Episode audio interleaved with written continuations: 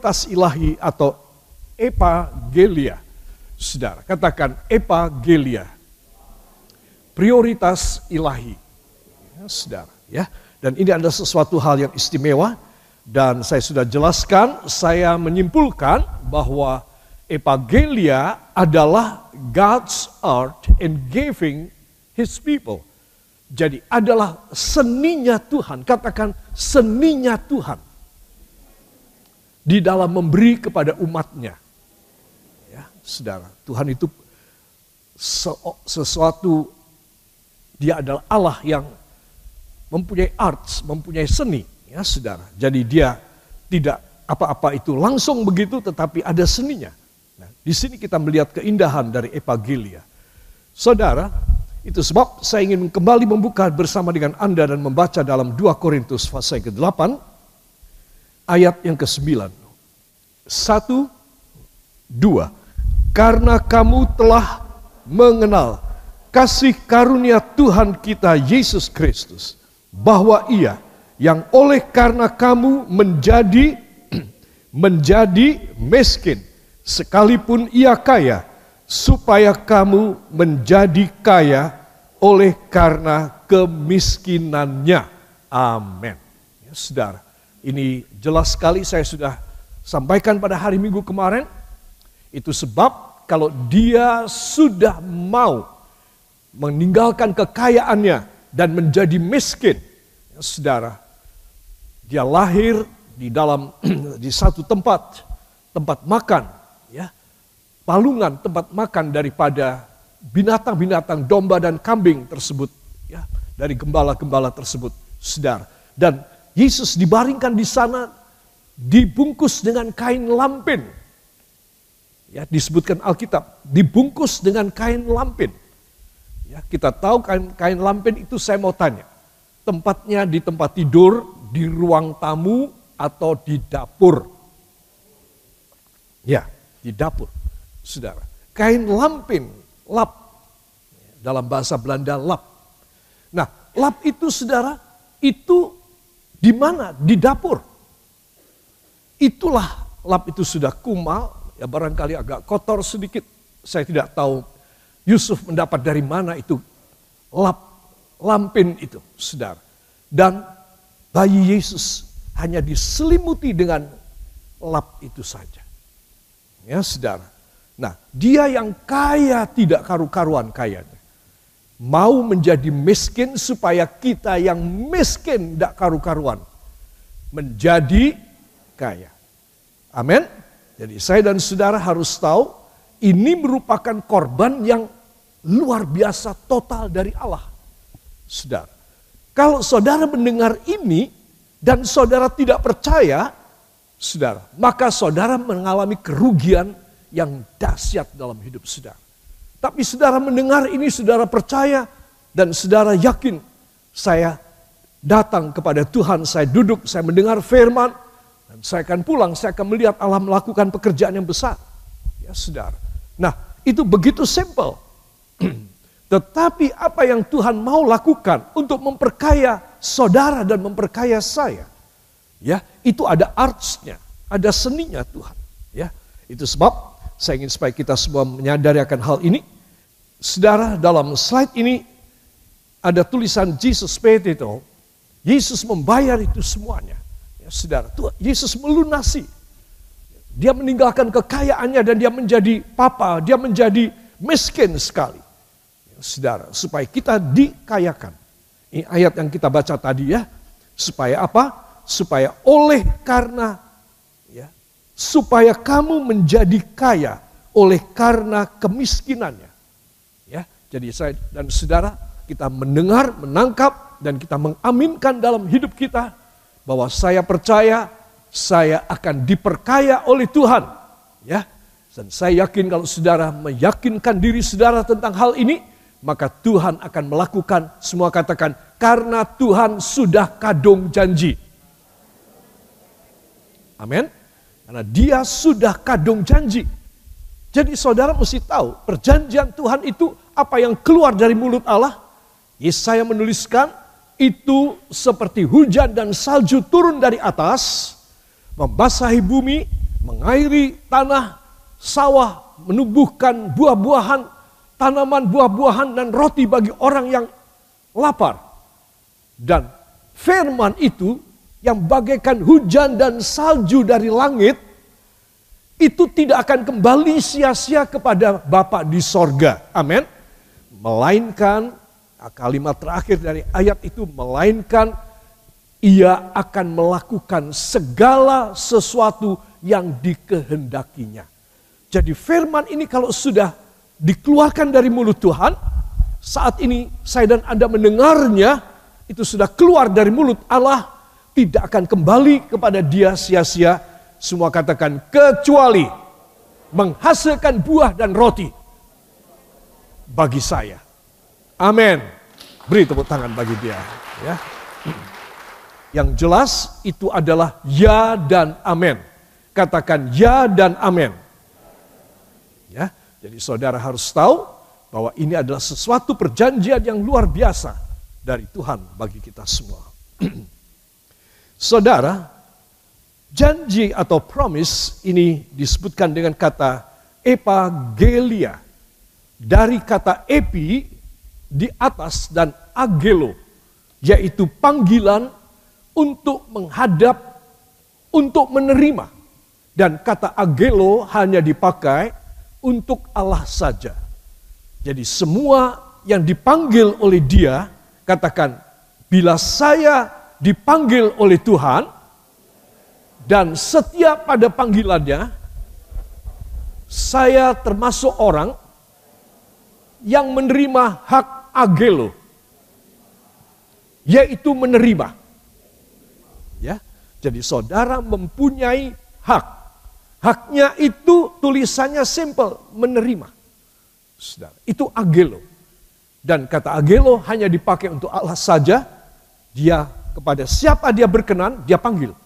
Yang dia tidak berkenan, dia tidak panggil. Saudara. Jadi kalau saudara sudah datang ke gereja, saudara mendengar firman saat ini, saya beritahu Tuhan berkenan kepada saudara. Amin. Karena banyak orang tidak diperkenan oleh Tuhan. Jadi mereka tidak dipanggil. Mereka tidak ditimbali. Mereka tidak diundang oleh Allah. Ya. Nah, saudara itu sebab epagelia itu berarti panggilan dari atas ya. Panggilan dari atas kepada seseorang yang dipilih untuk datang menerima. Semua katakan itu prioritas ilahi. Ya, jadi epagelia adalah prioritas ilahi. Dan kata epagelia ini diturunkan dari induknya yaitu kata epagelma. Epagelma ini artinya suatu janji yang sudah terbukti terjadi. Ya saudara, bukan janji yang kosong, bukan janji yang ditunda, tetapi janji yang sekarang ini, eh Timothy kamu datang ke rumah saya, ya siang ini jam 12, saya akan memberi ini, ini, ini kepada kamu. Saya datanglah ke rumah dia, saudara. Dan jam 12 saya datang sana, saya menerima. Itu janji yang sudah terbukti, saudara. Tetapi kalau seseorang mengatakan pada saya, eh Pak Timothy datang pada saya bulan depan ya, hari Selasa tanggal 17 jam 12. Saudara, itu bukan janji yang sudah terjadi belum. Karena baru minggu depan, bulan depan, tahun depan. Itu bukan epagilma. Apa yang diberikan oleh Tuhan kepada saya adalah epagilma. Karena kita adalah orang-orang yang epagelia. Amin. Kita di ditimbali, kita diundang untuk menghadap dia. Makanya di awal khotbah saya saya katakan, anak Tuhan itu kurang apa sebenarnya? Dia cuma datang ke gereja mendengar firman Tuhan bekerja. Hebat kan? Apalagi kalau dia melakukan firman yang dia dengar. Itu ada bonus yang lain lagi. Saudara. Jadi evangelia itu adalah sesuatu kenyataan yang bakal terjadi di dalam hidup saudara, dalam hidup saya. Saudara boleh datang dengan kekhawatiran, putus asa, segala macam problema yang tak terpecahkan dalam hidup saudara. Saudara. Tetapi ketika saudara mendengar firman, saudara mendapat perjanjian Tuhan. Nah, inilah epagelia. Kenapa? Karena epagelia ini sudah ada epagelma. Saudara nggak usah takut, tidak usah khawatir, tidak usah ragu dan bimbang. Karena sudah ada epagelma, sudah ada yang terjadi. Sebab itu saudara mesti tahu bahwa orang datang mendengar firman, menjadi anak Tuhan adalah orang yang sangat beruntung. Beri tepuk tangan bagi dia. Haleluya.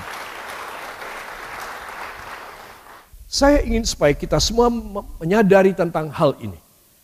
Kalau saya dan saudara, kita menerima semua itu ada sumbernya. Katakan sumbernya Tuhan Yesus. Ya. Saudara, kenapa demikian?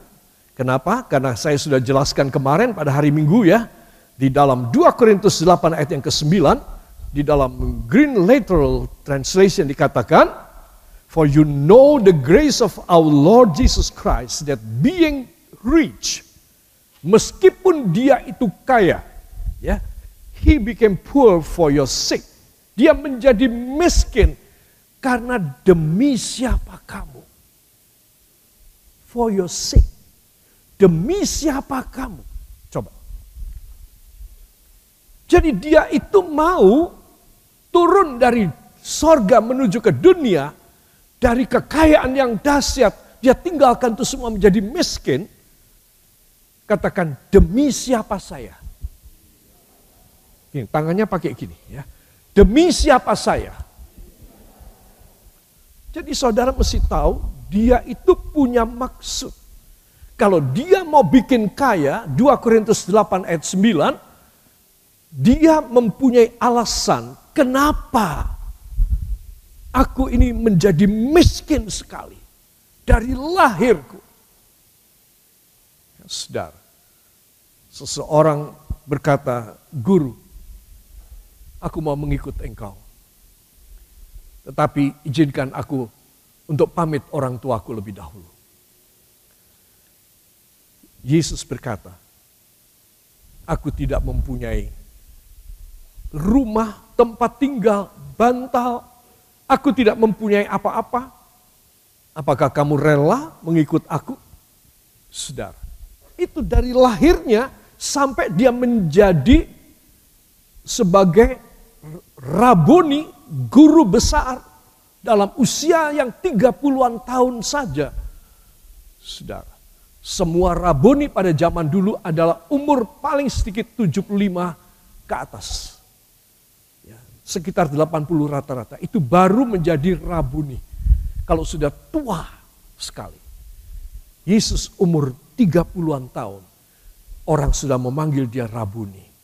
Kenapa? Karena pengajarannya mengherankan. Ya, saudara.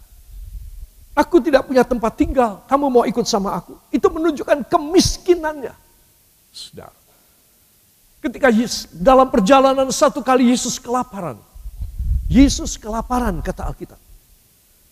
Dan dia berhenti pada satu pohon ara. Dan dia melihat tidak ada buah. Dan dia berkata, hai pohon ara, mulai sekarang jangan ada buah keluar dari kamu. Saudara. Kok bisa dia kelaparan? Ya yang jelas tidak punya kas, tidak punya uang. Kenapa tidak punya uang? Siapa bendaharanya? Bendaharanya Yudas Iskariot. Mungkin dicuri oleh bendaharanya. Mungkin memang tidak ada korban kolektor yang masuk pada waktu itu. Sehingga mereka tidak bisa makan. Dan Yesus kelaparan. Saudara, miskin. Siapa bilang dia kaya? Dia miskin. Supaya saya yang miskin menjadi kaya. Saudara yang miskin menjadi kaya. Beri kemuliaan yang baik bagi dia. Itu sebab saya mengambil gambar ini, saudara. Dan ini gambar yang mengerikan, menyedihkan dari uh, film Jesus, ya. Dan, tapi saya tidak pernah melihatnya karena saya itu melihat darah itu saya tidak bisa. Ya. Nah, Terjemahannya adalah meskipun kaya ia menjadi miskin. Ayo kita baca. Satu, dua. Meskipun kaya ia menjadi miskin. Demi siapa kamu? Supaya kamu bisa menjadi kaya oleh kemiskinan orang itu. Ya, pada hari Minggu kemarin terakhir dalam khotbah saya saya menjelaskan of that one. Ya, saudara, of that one. Ini, ya. He became poor for your sake, demi siapa kamu, so that you might become rich by the poverty of that one. Kamu, orang itu. That one. Tidak disebutkan Yesus, tidak disebutkan Mesias. Tetapi that one, satu kata celaan dan penghinaan, penistaan. Ya, contoh kalau orang marah dalam bahasa Inggris, I don't want to see that one again until die. Aku nggak mau lihat orang itu lagi sampai mati. Nah ini that one. Gak ada penghargaan sama sekali. Saudara. Bukan dead man. Tetapi dead one. Saudara. Jadi dia itu sampai mati pun miskin, dicerca, dihina. That one. Jadi tidak ada tanda kekayaan dari Tuhan Yesus. Tidak ada. Supaya apa? Supaya orang yang mendengar firman, orang yang membaca firman, orang yang mengerti sabdanya, dirubahnya dengan dia bekerja pada orang ini. Sehingga orang-orang yang mendengar dia orang-orang yang percaya kepada dia diperkaya. Amin.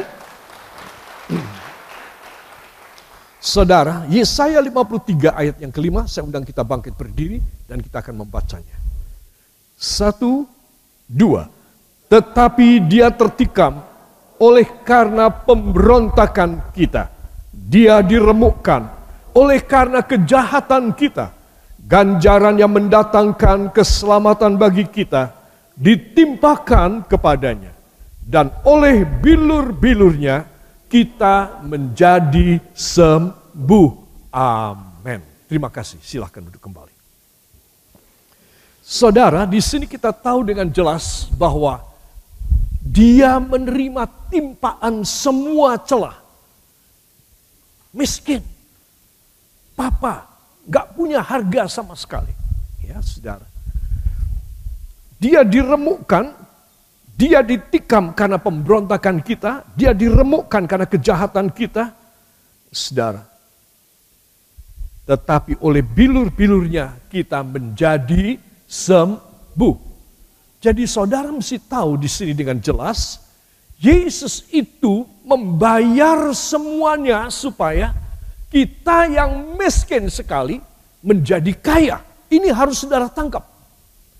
Kalau tidak ada perbuatan dia tempo hari, bagaimana dia sampai tersiksa, sampai tertikam, sampai disalib, saudara. Lihat, kalau sampai tidak begitu, orang boleh meragukan siapa dia, janjinya seperti apa. Ya, saudara. Tetapi setiap orang yang sekarang ini percaya, katakan bila saat ini saya percaya, saya pasti menerima janji tersebut. Amin. Ayo tangan saudara. Bila saat ini saya percaya, pasti saya menerima janji tersebut. Dalam nama Yesus. Amin. Jadi para kekasih, tidak ada alasan saudara kurang percaya. Kalau saudara datang tadi dengan kurang percaya, tidak apa-apa. Tapi setelah saudara mendengar firman ini, Yesus sudah membuktikan. Dia bukan cuma omong saja bahwa aku kaya jadi miskin. Supaya kamu yang miskin jadi kaya. Dia tidak cuma omong. Dia membuktikan dengan fakta hidup yang sengsara.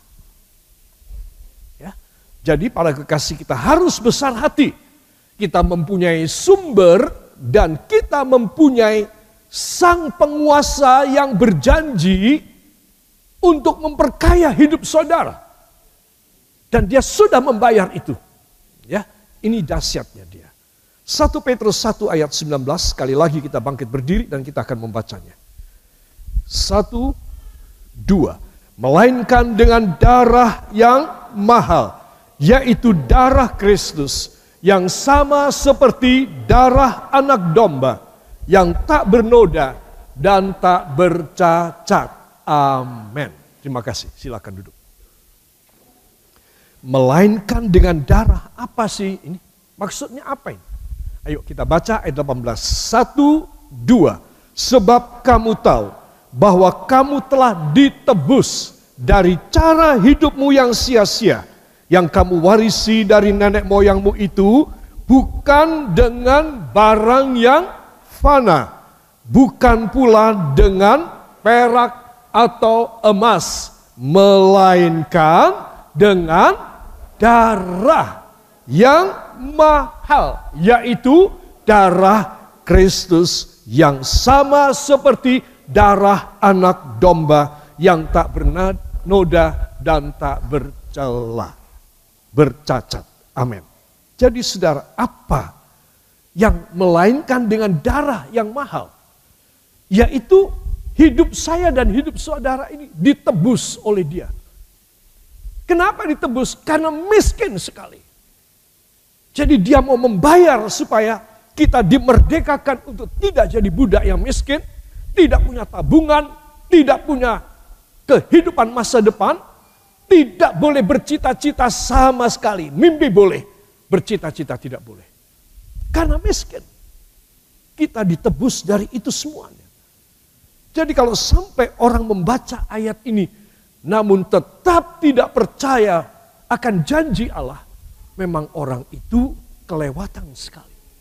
Ya saudara, jadi saudara mesti tahu bahwa Tuhan memberi kepada kita perjanjian untuk kita mengalaminya. Amin. Ya. Para kekasih saya ingin lebih menjelaskan lagi mengenai soal korban dari Tuhan Yesus. Saudara, dalam Yesaya 53 ayat yang kelima tadi kita sudah baca ya, ini ayatnya. Tetapi dia ikuti saya. Tertikam. Diremukkan. Ganjaran. Ditimpakan kepadanya. Itu yang saya strip ya. Saya underline di situ. Tertikam, diremukkan, ganjaran yang mendatangkan keselamatan ditimpakan kepadanya. Saudara. Jadi inilah yang Tuhan Yesus lakukan bagi saudara dan bagi saya. Membuang semua khawatir. Tanda tanya, benar enggak janjinya bahwa aku akan diperkaya? Kalau saudara percaya, saudara akan mengalaminya. Itu sebab saudara harus setia mantap hanya kepada Tuhan Yesus Kristus saja. Amin saja. Katakan saja. Tidak ada yang lain. Amin. Nah itu penting sekali ya. Saudara gambar ini baru beberapa tahun yang lalu saya melihatnya. Ibu Gembala mendapatkannya. Ditunjukkan pada saya. Saya terperangah sekali. Segitu tua mungkin pada waktu itu uh, 10 tahun atau 8 tahun yang lalu Saudara, sebegitu tua, 60 tahun lebih, saya hidup baru satu kali seumur hidup saya melihat gambar. Ternyata Yesus di Taman Getsemani, itu dia habis-habisan. Saya percaya gambaran lukisan ini adalah kenyataan Yesus pada waktu itu. Karena dia sudah habis semua tenaganya. Sehingga dia seperti tertelungkup saja. Dan dia tidak berdaya sangat stres karena dia harus minum apa? Cawan kutukan dosa dari orang sedunia. Dia sudah minta kepada Bapak, Bapak jikalau berkenan biarlah lewat cawan ini. Tetapi di atas semuanya biarlah kehendakmu saja yang terjadi. Dan Bapak tidak menjawab. Berarti terjadi sama dia. Dia harus minum tuh cawan. Sudah sampai keringatnya seperti darah menetes. Itu bukan sesuatu kata kata ilusi, ya, kata peribahasa. Seperti darah menetes, betul-betul berwarna merah darah. Kenapa? Karena semua pembuluh kapiler di sekujur tubuhnya pecah. Kenapa bisa pecah? Karena terlalu tegang.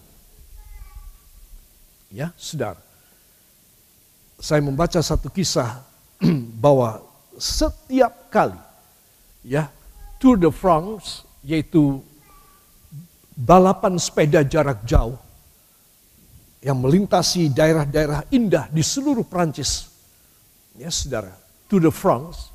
Nah, itu pasti ada satu atau beberapa orang yang jatuh ke bawah sebelum finish jatuh tidak kuat. Dan kulitnya mengeluarkan keringat darah. Kenapa? Karena pembuluh-pembuluh pecah. Karena terlalu tegang. Itu pertandingan balap sepeda yang sangat luar biasa beratnya. Saudara, Yesus mengalaminya sehingga peluhnya seperti darah, kata Alkitab. Ini ternyata.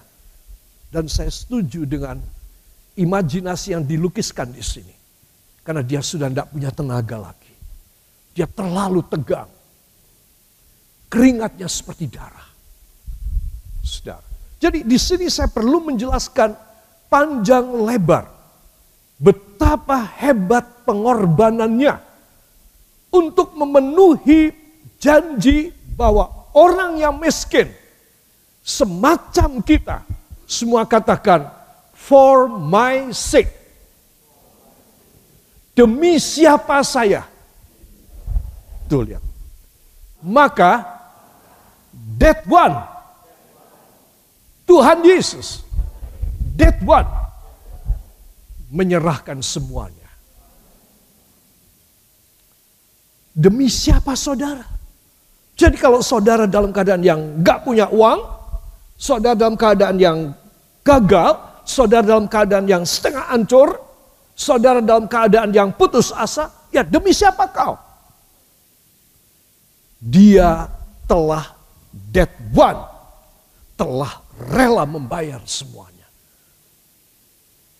Jadi tidak ada alasan bagi siapa pun untuk tidak percaya. Hanya harus percaya. Kalau dia percaya, orang ini mendapat. Saudara percaya, saudara mendapat. Amin.